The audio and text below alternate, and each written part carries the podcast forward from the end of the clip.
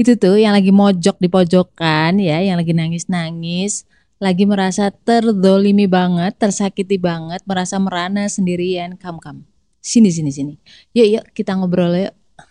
Teman-teman, kalau misalkan teman-teman notice nih ya, kalau misalkan lu perhatiin, lu renungin ya setiap masalah kita di dunia ini itu pasti akar masalahnya adalah dari manusia. Bener gak?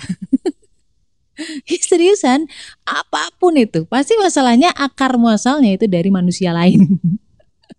Tapi gini, kalau misalkan kita nggak punya masalah di dunia ini, pasti nggak belajar. Dulu gua di bank itu kan pemimpinnya ganti-ganti. Misal pun pemimpinnya nggak ganti, gue yang dimutasi, gue pindah ke tempat lain, pindah ke cabang lain, ketemu pemimpin baru. Mungkin ada sekitar 10 pimpinan yang pernah gue temuin di bank. Even lebih lah, kayaknya lebih deh dari itu. Soalnya satu cabang itu bisa dua tiga pimpinan. Jadi kita kadang sering adu argumen, adu pendapat kayak gitu loh. Ya bebal lah ya gue kayaknya. Teman-teman yang di bank mungkin udah tahu ya tolong silent itu masa lalu gue. Nah begitu gue keluar dari bank tujuh setengah tahun di sana ya, gue keluar, gue sempat karir break, terus gue kerja lagi di industri gue pernah kerja dengan bos Jepang gue pernah kerja dengan bos Perancis banyak. Sampai pada titik di mana gue ngerasa bahwa kok sekarang gue jadi lebih baperan ya gitu. Dulu ketika di bank gue bisa cuek banget sampai yang kesel itu yang gemes adalah bos gue kenapa sekarang hanya sekedar omongan begitu saja gue tuh kayak ngerasa nggak terima banget. Dulu gue bisa cuek banget dengan kayak gitu-gitu. Kenapa sekarang gue jadi baperan? Kenapa gue sekarang jadi mudah banget merasa tersakiti atau jangan-jangan emang dari dulunya lu merasa kayak gitu? gak gak. Actually sebenarnya gue pas muda ya sebelum punya anak itu bener-bener bebal banget sampai yang gemes tuh bukan gue orang-orang sekeliling gue aduh ini bukan kebanggaan asli bukan kebanggaan ini adalah sebuah penyesalan yang gue bungkus dengan ketawa. Wah gue lemah nih sekarang ya kan? Karena mudah baper, mudah tersakiti, dikit-dikit kepikiran, harusnya gue bisa cuek banget ya gak sih? Assalamualaikum, gimana kabar lo? Alhamdulillah, apakah lo lagi ngerasa kesepian? Atau sendirian? Kenalin gue Ria Marliana, teman healing lo di podcast Self Healing. Di sini kita bakal ngobrol bagaimana sih belajar berdamai dengan luka, tentu aja atas izin Allah Subhanahu wa taala. Semoga Allah sembuhkan lukamu, ringankan bebanmu dan kuatkan hatimu. Kajian, eh kajian, aduh, kajian. gue tuh bukan ahli ahli ibadah, gue bukan ahli ilmu ya. Jadi gue cuman bisa menyadur apa yang disampaikan oleh ustadz yang gue dengar ya. Kan harusnya kita memang mencari dasarnya itu di Quran dan juga di hadis melalui pemahaman yang benar gitu. Bukan pemahaman kita sendiri. Karena apa? Karena pemahaman kita sangat liar. Oke, cukup cukup cukup. Jangan kebanyakan ketawa. Gue lagi syariawan nih cuy. Aduh, tuh kan. Jadi untuk masalah ini gue sempat nyari di YouTube ya you know lah karena gue masih tetap aja kayak merasa gue nggak terima. Ego gue kena nih gue nggak terima diginiin. Lu nggak lebih tahu dari gue gitu. Even itu bos gue gue berasa nggak terima. Padahal apalah gue ya kan? Gue kan staff biasa gue bawahan dia. Harusnya ya udah terima-terima aja gitu. Cuman kan yang namanya manusia cuy punya ego pribadi bener gak di mana ego itu adalah kata-katanya adalah gue nggak terima diginiin. Nah itu kata-kata ego dan ego itu kalau lu turutin gak akan pernah ada habisnya dan endingnya adalah penyesalan. Trust me, beneran. Maka dari itu gue mencari kajian-kajian yang terkait dengan ketika disakiti sikap kita harus gimana sih? Jangankan kok gue ya, jangankan lo, jangankan kita, sekali bernabi Shallallahu Alaihi Wasallam aja sebagai manusia paling mulia di dunia ini dan juga di akhirat nanti sebagai manusia terpilihnya Allah itu saja disuruh sabar sama Allah sabar yang khusus untuk Nabi Muhammad aja loh. Ya, bukan untuk seluruh makhluk. Untuk Nabi Muhammad Shallallahu alaihi wasallam. Itu saja itu di Quran disebut lebih dari 20 kali. Kebayang gak sih beliau itu dihina, dituduh bluffing, pendusta, penyihir, dilempar batu, apalagi ya dilempari kotoran, dicoba dibunuh, disihir, pokoknya semua macam lah. Gak cuman omongan, ya kan? Gak cuma omongan, juga sikap perbuatan orang-orang kepada beliau itu benar-benar yang udah menghina Dina banget. Dan udah keterlaluan menurut gua. Salahnya Nabi kepada mereka tuh apa? Nabi itu hanya menyampaikan sesuatu yang benar, e, perintahnya Allah gitu. Dan caranya Nabi menyampaikan itu nggak annoying tau gak sih? Segala macam bentuk penyiksaan itu nggak cuma di apa ya, di perasaan beliau, bahkan fisik beliau. Itu masa iya sih Nabi itu terus cuek bebek ah bodoh amat gitu. Kayaknya nggak gitu ya. Nabi itu kan beliau sangat lembut perasaannya, sangat lembut hatinya. Jadi bukan kayak gua ketika gua di bank yang kayak ah bodoh amat gitu. yang penting gua kerja dapat duit nggak kayak gitu. Beliau itu sangat peduli dengan umat beliau.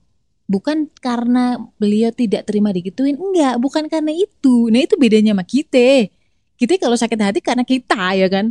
Tapi Nabi sakit hatinya, kepikirannya karena apa?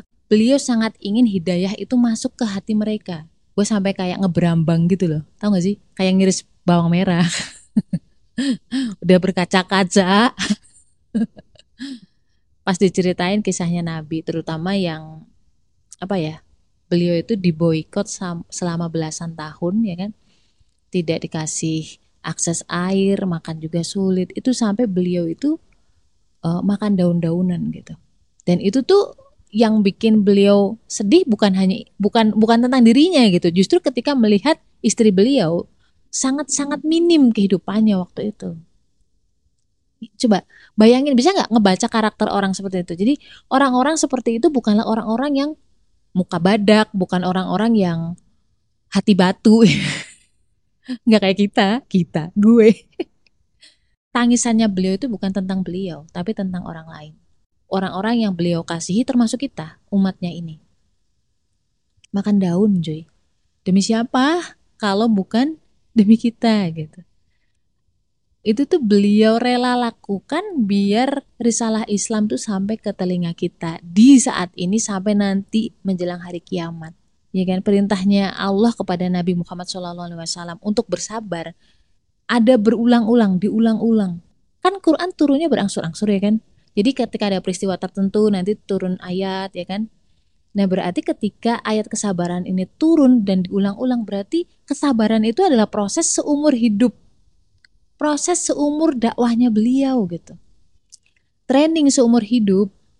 Nah pertanyaannya adalah gimana sih caranya Allah membuat atau menyuruh Nabi kita untuk sabar?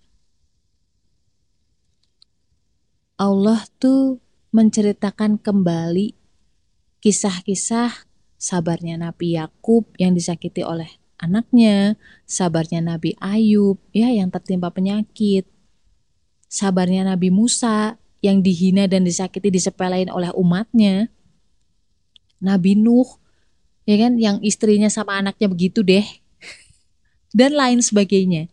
Itu Allah ceritain berulang-ulang di Quran.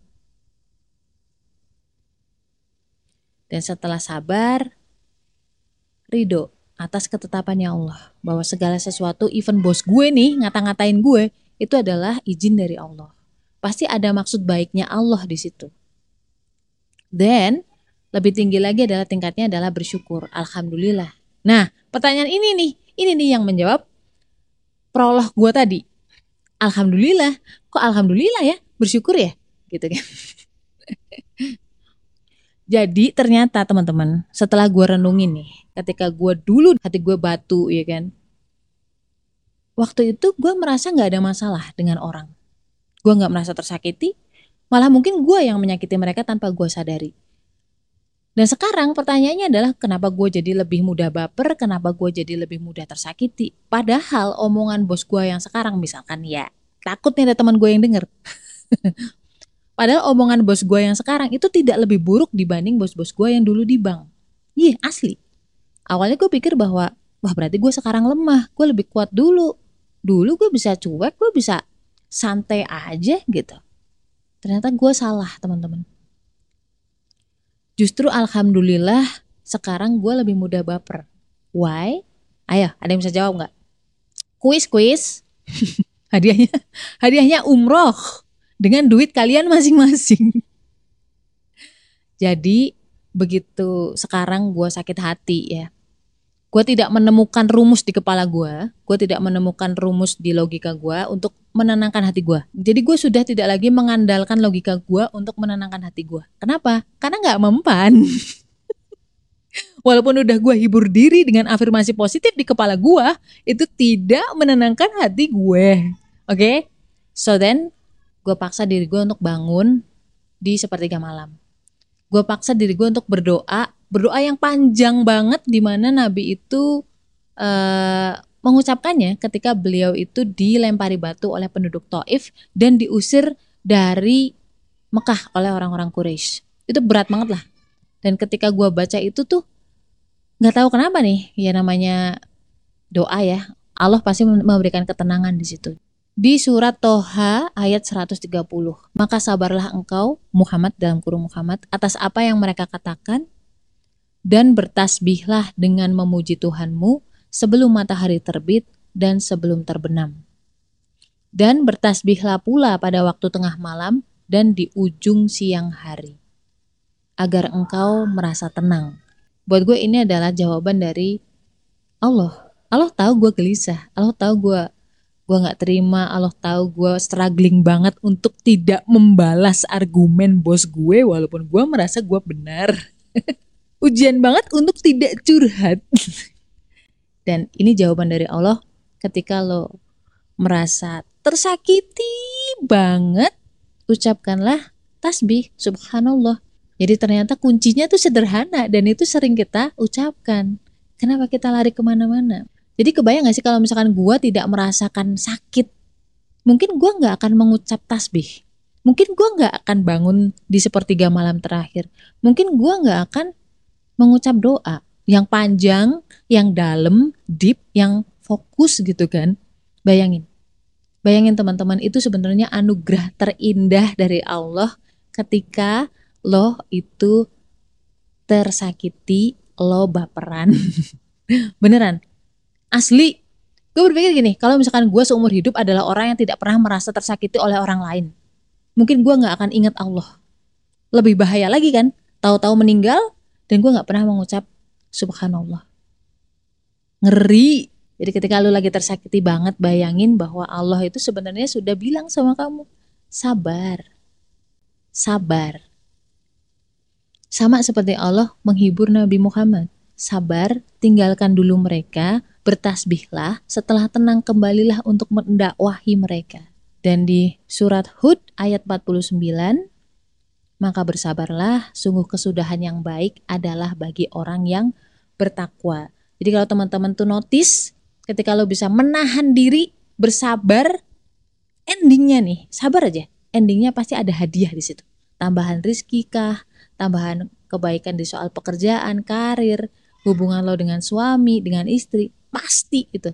Kalau lo notice, nah gue udah tua ya, jadi gue tahu polanya. Emang seperti itu masih di surat Hud ayat 115, Allah bilang, dan bersabarlah karena sesungguhnya Allah tidak menyia-nyiakan pahala orang yang berbuat kebaikan. Jadi bukan hanya hadiah di dunia, tapi kita juga punya tabungan di akhirat kelak. Dan pahala sabar katanya nih saking besarnya itu Allah sendiri yang akan memberikan itu ke kita. Syaratnya adalah biar kita bisa kuat ketika disakiti adalah sabarnya karena Allah kalau bukan karena Allah, misalkan kayak sabar nih, ditahan-tahan.